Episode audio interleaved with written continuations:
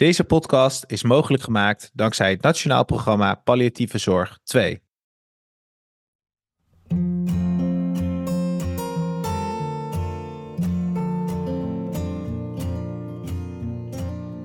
Welkom bij alweer een nieuwe aflevering van de Current Podcast. Ik ben uw host Nick Dekker.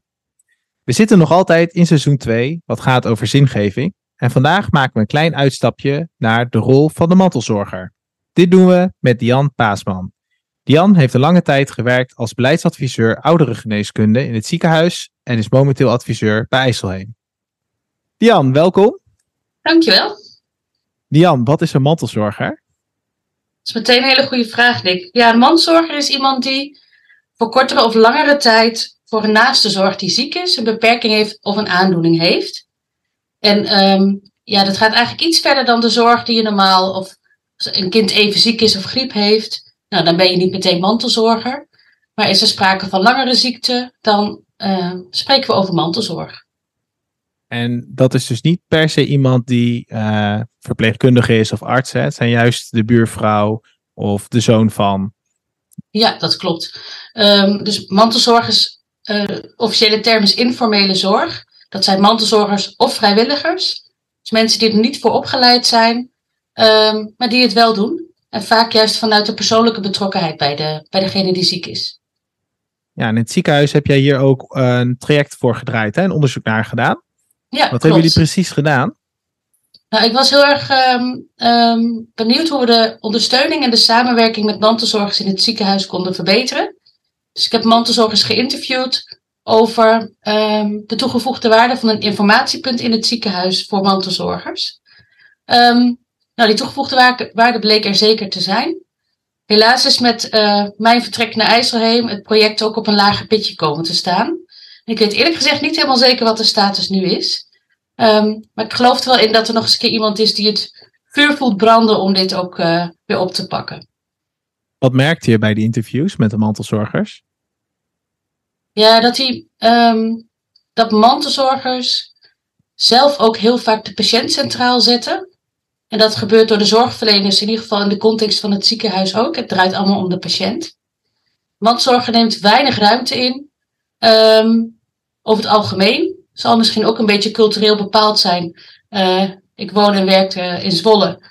En misschien is het hier iets anders dan in het westen van het land. Maar mantelzorgers die zetten zichzelf ook best een beetje uh, wat meer naar de achtergrond.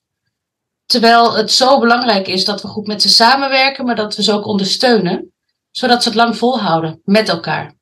Want zonder die mantelzorger, nou, redt die patiënt het niet, maar ook de zorgprofessionals eigenlijk niet. Dan, dan, dan valt het systeem in elkaar. Precies. Dat hoor ik ook heel al- erg terug in de persoonlijke, persoonlijke gesprekken en die interviews.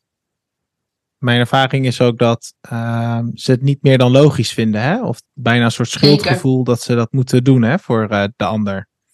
Ja, dus um, uh, Maaike Haan, zij is onderzoeker bij het Radboud. Die heeft onderzoek gedaan ook naar mantelzorg. En mantelzorgers voelen heel erg dat er een appel op, ze wordt gedaan. En dat komt ook heel uit voort uit uh, normen en waarden bijvoorbeeld. Maar ja, ik heb altijd voor me, uh, uh, nee, mijn ouders hebben altijd voor mij gezorgd. Nu hebben zij zelf zorg nodig en natuurlijk, um, nou, ben ik er dan voor ze. Dus een bepaalde vanzelfsprekendheid, je geroepen voelen om dat te doen. Ook dat jij, dat die mantelzorger een van de weinigen is hè, die dat kan doen, omdat je het kind bent of de partner of noem maar op. Um, ja, dus dat gevoel is heel sterk. En um, wat ook wel eens opvalt, is dat mantelzorgers niet zo genoemd willen worden. Dat ze zichzelf Zeker. helemaal niet zo zien. Ja, klopt. Dus um, ik heb het woord mantelzorger nu al veel te vaak in de mond genomen. Ik denk dat het veel verstandiger is als we het over naasten hebben of over familie, noem maar op. Um, omdat drie van de vier mantelzorgers zich helemaal niet in die term herkent. En dat kwam ook in mijn onderzoek wel naar voren. Er zijn heel veel mantelzorgers die echt behoefte hebben aan uh, informatie, iemand die ze wegwijs maakt of een luisterend oor. Elke gemeente heeft een steunpunt mantelzorg, dat zijn ze wettelijk verplicht. Maar die mantelzorger en dat steunpunt die vinden elkaar niet. En dat heeft onder andere daarmee te maken dat het vaak steunpunt mantelzorg heet. En heel veel mensen uh, die herkennen zich dus niet in die term. En dat herken ik ook in die uh, interviews die ik deed. Mantelzorgers, die volgens de definitie wel mantelzorger zijn, leggen zelf die lat veel hoger. Dus die zeggen, ja, ik, ik doe heel veel voor mijn moeder. Maar ze kan zichzelf nog douchen. Dat hoef ik niet te doen. Dus nee, dan ben je geen mantelzorger. Dus zo zie je dat die lat heel hoog ligt. Ehm, nou ja, dat mensen een beeld hebben van, nou, eh, dat je aan bepaalde randvoorwaarden moet voldoen om mantelzorger te zijn. Dus dat helpt, dat helpt helemaal niemand. Um, eigenlijk ook van onzichtbare zorg. Ja, eigenlijk onzichtbare zorg hè, die dan uh, plaatsvindt. Zeker, ja, ja. En die ook in de, vanuit die vanzelfsprekendheid en um, naarmate uh, iemand zieker wordt of beperkter wordt in wat hij kan, neemt dat vaak ook heel geleidelijk toe. Um, dus het blijft onzichtbaar. Het is niet ineens een heleboel zorg wat er op iemands bord terechtkomt, over het algemeen. Maar het kan ook gewoon heel erg langzaam toenemen. Um, maar dan wordt het niet zichtbaarder van. Dus het gaat heel langzaam soms, ja.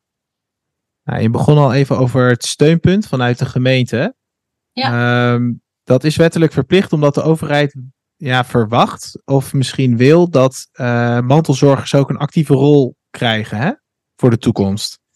Ja, dus de overheid heeft als taak gekregen om die mantelzorgers te ondersteunen, om ze langer op de been te houden. En ik denk inderdaad dat dat, uh, zeker als je nu naar het overheidsbeleid kijkt, is dat een belangrijk onderdeel van hoe de overheid naar de zorg kijkt. Een heel belangrijke rol voor de, voor de naaste en de, of het netwerk om, om iemand heen. Um, ja, dan, dan moet je ze wel uh, helpen om, om dat goed te kunnen doen. En ik ken zelf Zwolle doet heel goed. Dat is het steunpunt mantelzorg in Zwolle. Ja, die zijn daar ook echt onwijs goed in.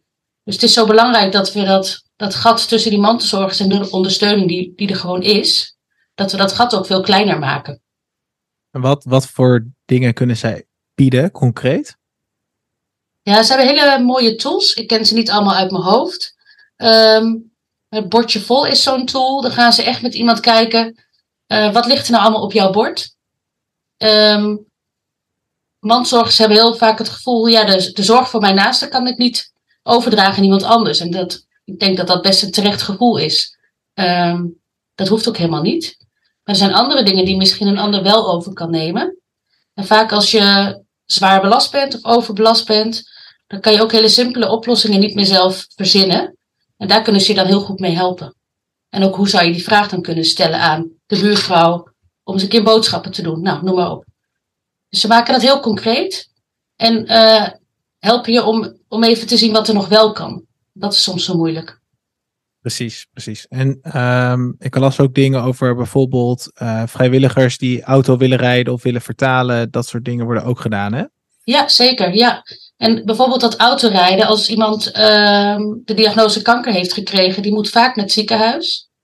Maar niet elke keer vindt er een belangrijk gesprek plaats of wordt er een belangrijke uitslag gedeeld. Dus als het gaat om een foto maken of om een behandeling, um, dan zou soms misschien iemand anders dat over kunnen nemen, zodat die mantelzorger even de handen vrij heeft. Nou, dan heb je inderdaad um, bij de gemeentes, je hebt ook automaatjes van de ANWB. Dat zijn vrijwilligers die dan iemand wel willen halen en brengen. Omdat soms ook de taxibedrijven bijvoorbeeld, nou die, die hebben vaak een speling in hoe laat ze er zijn. Of dan moet je nog een heel extra rondje rijden. Nou, dat zijn, als je ziek bent, dan wil je dat niet. En als, als mantelzorger wil je dat je je naaste ook niet aandoen. Um, en dit is dan echt een heel mooi alternatief daarvoor. Precies. Um, we hebben op een gegeven moment ook deze workshop over mantelzorgers gegeven aan verpleegkundigen tijdens onze KWF-module. Uh, uh, Wat mij opviel is dat zorgverleners uh, binnen de familie eigenlijk de eerste zijn waarnaar wordt gekeken hè, op het moment dat iemand ziek is. Ja, dus dat, dat klopt. Ook, dat zorgverleners toch ook vaak de rol als mantelzorger het eerst oppakken. Ja, dus ik denk, ik, ik noemde net al het appel, hè, dat de mantelzorgers voelen dat een appel op ze wordt gedaan. Als die mantelzorger of, de, of het familielid of de buurvrouw in de zorg werkt, is dat nog veel vaker zo. Dat is ook uit onderzoek wel gebleken. Um, dat zij of uit zichzelf of een soort verwachtingen van, van de hele familie, dat het toch degene is die in de zorg werkt, die naar voren stapt. Want die weet hoe het werkt in de zorg, die spreekt de taal. Um, nou ja, dat voelt dan ook vertrouwd en, en van iedereen om dat aan diegene over te laten. Ja, ook heel belangrijk. Dat is logisch, hè? Ja. ja, het is zeker logisch. Maar um, ook een belangrijk aandachtspunt voor werkgevers vanuit de zorg. Weet je nou eigenlijk wie van jouw medewerkers mantelzorgers zijn? Want dan moet je daar misschien ook eens even iets aan doen om, om ze te helpen om, om alle ballen in de lucht te kunnen houden. Nou, dat is een heel ander thema. Daar kun je ook nog, kunnen nog twintig podcasts over maken. Ja, wat, wat, wat uh, oké, dan ben ik werkgever. Dan, dan, kan, hoe doe ik dat dan? Nou, wat ik nu, wat ik zelf gemerkt heb uh, toen ik nog in het ziekenhuis werkte, is dat sommige leidinggevenden weten het gewoon echt niet. Omdat die, uh, bijvoorbeeld verpleegkundigen als voorbeeld, ja, verpleegkundigen die zijn gewoon gewend om hard te werken en niet te zeuren en uh, die gaan gewoon door. Um, weten misschien ook zelf niet wat de leidinggevende hierin kan betekenen. Dus die hebben het er niet over en die proberen gewoon zelf alle ballen in de lucht te houden. Totdat het misschien een keer niet meer gaat en dan vallen ze uit. Ja, dat is hartstikke zonde. Als je dat echte gesprek daarover eerder voert en het van elkaar weet, dan kan je misschien, nou, wat oplossingen verzinnen. Oké, misschien met de werktijden iets aanpassen of uh, verwijzen naar zo'n steunpunt of naar een bedrijfsmaatschappelijk werker. Nou ja, dat kan heel veel lucht geven. Precies, precies. En uh, dan als zorgverlener, hoe als ik uh, in de spreekkamer zit of op de afdeling werk of bij de dagbehandeling zit, uh, hoe kan ik dan die mantelzorger of die naaste dan toch de aandacht geven die diegene nodig heeft? Hoe kan ik, ja. Ja, dat is. Um, het, het mooie en het lastige is dat, het, dat die aandacht voor naast is echt maatwerk. Dus er is niet één standaard ding wat je altijd moet doen. Wat uh, naasten heel fijn vinden, ja, net als iedereen, maar naasten vooral zich, zich gezien voelen. Dus dat je even heel gericht vraagt: en hoe gaat het met u? Um, oog hebben voor naasten. Mensen vinden het ook belangrijk om vertrouwen te hebben in de zorg, maar dat is niet iets wat je ja, kan bestellen, bij wijze van spreken. Of dat, ja, dat kan je voornemen, maar dat is ook iets wat moet groeien. Um, maar zich gezien voelen en ook houvast ervaren, uh, dat zijn hele belangrijke dingen.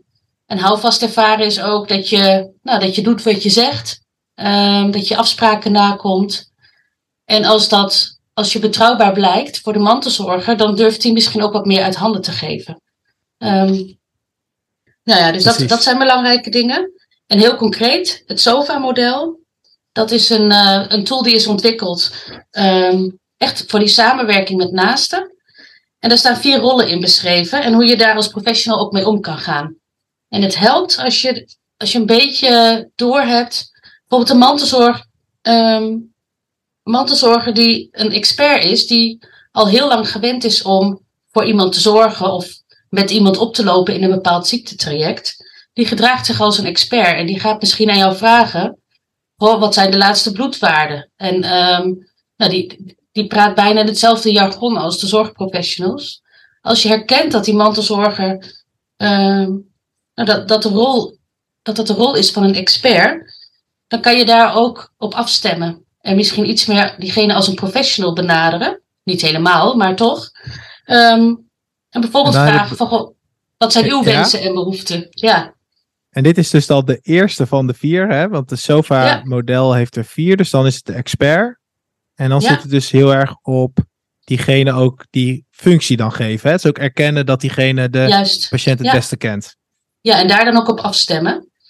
Um, en dat is iets heel anders dan een mantelzorger die zelf een hulpvrager heeft en zelf misschien ondersteuning nodig heeft uh, of een luisterend oor nodig heeft. Dat is weer een, heel, een hele andere rol. Dat nou, dan heb je twee. nog ja, dus, dus dat is iemand die, die zelf eigenlijk aan onderdoor gaat, die hulp zoekt. Ja, en die misschien uh, niet goed voor zichzelf zorgt in al het geweld van het man te zorgen en alle ballen hoog houden. Um, mm -hmm. Die zou je ook heel goed dus naar zo'n steunpunt van de gemeente kunnen verwijzen. Maar dat begint ja. met, met erkennen. Um, de mantelzorger als partner in het werk. Sommige mantelzorgers die zorgen al heel lang voor hun naasten. Die zijn gewend om nou ja, uh, diabetes te prikken of noem maar op. Um, erken die dan ook als medehulpverlener. Um, en vraag bijvoorbeeld, goh, wat zou u zelf willen blijven doen?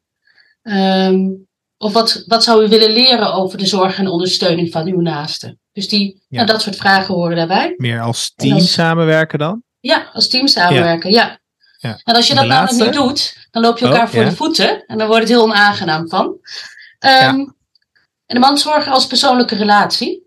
Um, dus die mandzorger is in de eerste instantie natuurlijk ook gewoon de partner of het kind of de ouder van degene die ziek is.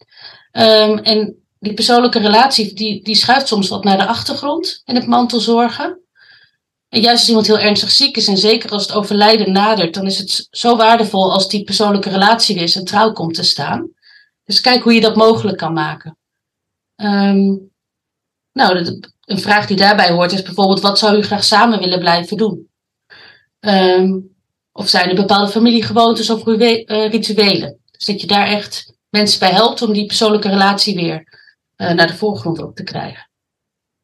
Ja, en ik ken dit model inmiddels ook een tijdje. En ik merk inderdaad echt dat als ik nu uh, naast zie, dat ik ook al bijna ga kijken van, is het dit een expert of is dit iemand die zelf hulp nodig heeft? Of gaan we dit, hè, wil ze heel veel graag meedenken daarin? Of uh, is het iemand die heel graag de familielid wil blijven? Dat je dus al een beetje gaat zoeken van, hoe kan ik dan diegene in die rol laten? Hè? Ja, klopt. En als je dat herkent, um, ik heb ook van verpleegkundigen wel gehoord dat het soms, ja, dat soms een mantelzorger best irritant wordt gevonden. Uh, ondanks de waardering die er ook is. Maar omdat hij zo'n beetje op de huid zit en allerlei vragen stelt. Als je weet waar het vandaan komt, dan, dan werkt het toch vaak veel mooier samen. Dus dat helpt enorm. Ja, Dian, mag ik je dan, dat zit al een tijdje op het puntje van mijn tong, een hele persoonlijke vraag stellen. Ben je ook mantelzorger geweest? Ja, nou, dat vind ik altijd een hele confronterende vraag. Maar um, als ik kijk naar de. Dus ik ben denk ik even drie van, bij de drie van de vier die zich daar niet zo in die term herkennen. Maar mijn vader heeft een aantal keer, vier keer eigenlijk uh, kanker gehad. Uh, in meer ernstige en iets, iets minder ernstige uh, varianten. En ik denk dat ik daar wel mantelzorger was, als ik kijk naar de definitie. Dus ik deed niet heel veel in de zorg voor mijn vader, zeg maar de dagelijkse zorg. Maar ik was er bij elke afspraak in het ziekenhuis bij, bijvoorbeeld. Um, of dingen regelen. Uh, toen mijn vader heel ziek was, dat niet de hele wereld op visite komt, maar dat hij wordt afgeschermd. Ondertussen ervoor zorgen dat er geregeld wordt dat hij eten krijgt. Dus ja, ik, de ik denk het wel. Heb maar ik voel me dus ook geen man te zorgen met alle kennis die ik hierover heb. Ja. ja, grappig hè? Dat je, heb, heb je het gevoel dat je wel die hulp die je nu allemaal noemt, hè, dat je dat zelf hebt gemist, die ondersteuning? Ja, zeker. Um, de eerste keer was mijn vader heel ernstig ziek.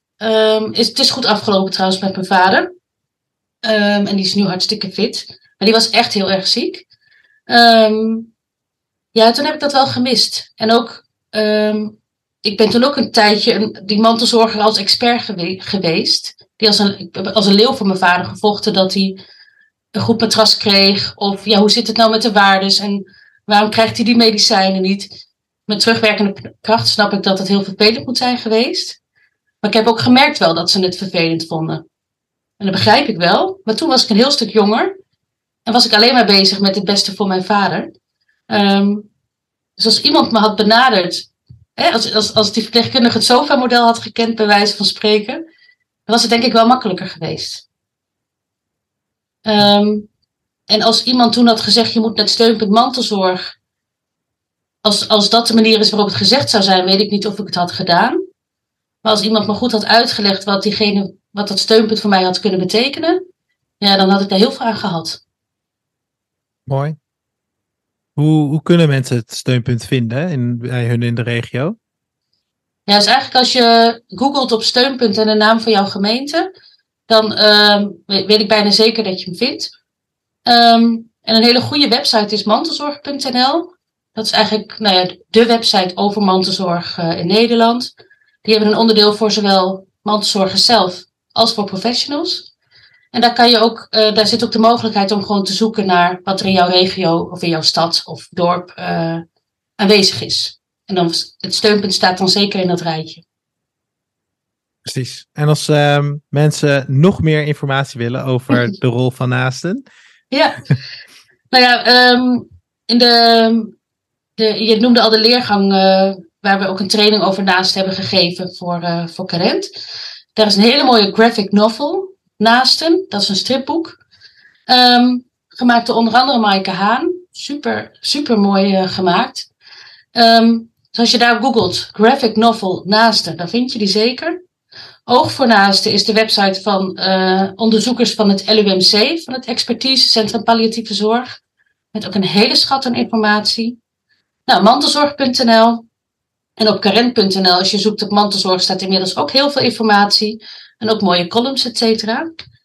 En ik denk als laatste, Nick, um, kan ik hier aankondigen dat we op 23 mei een congres uh, geven. Het naaste en nabestaande congres. En dat is van Carent in samenwerking met het uh, expertisecentrum palliatieve zorg van het LUMC. En dan gaan we ook uh, met verschillende hele mooie sprekers uh, over dit onderwerp in gesprek. Is het congres voor naasten of voor vooral zorgverleners? Het is bedoeld voor zorgverleners. En we weten dat zij ook heel vaak zelf naasten zijn. Um, maar het is primair bedoeld voor, voor zorgverleners. Maar iedereen is natuurlijk welkom.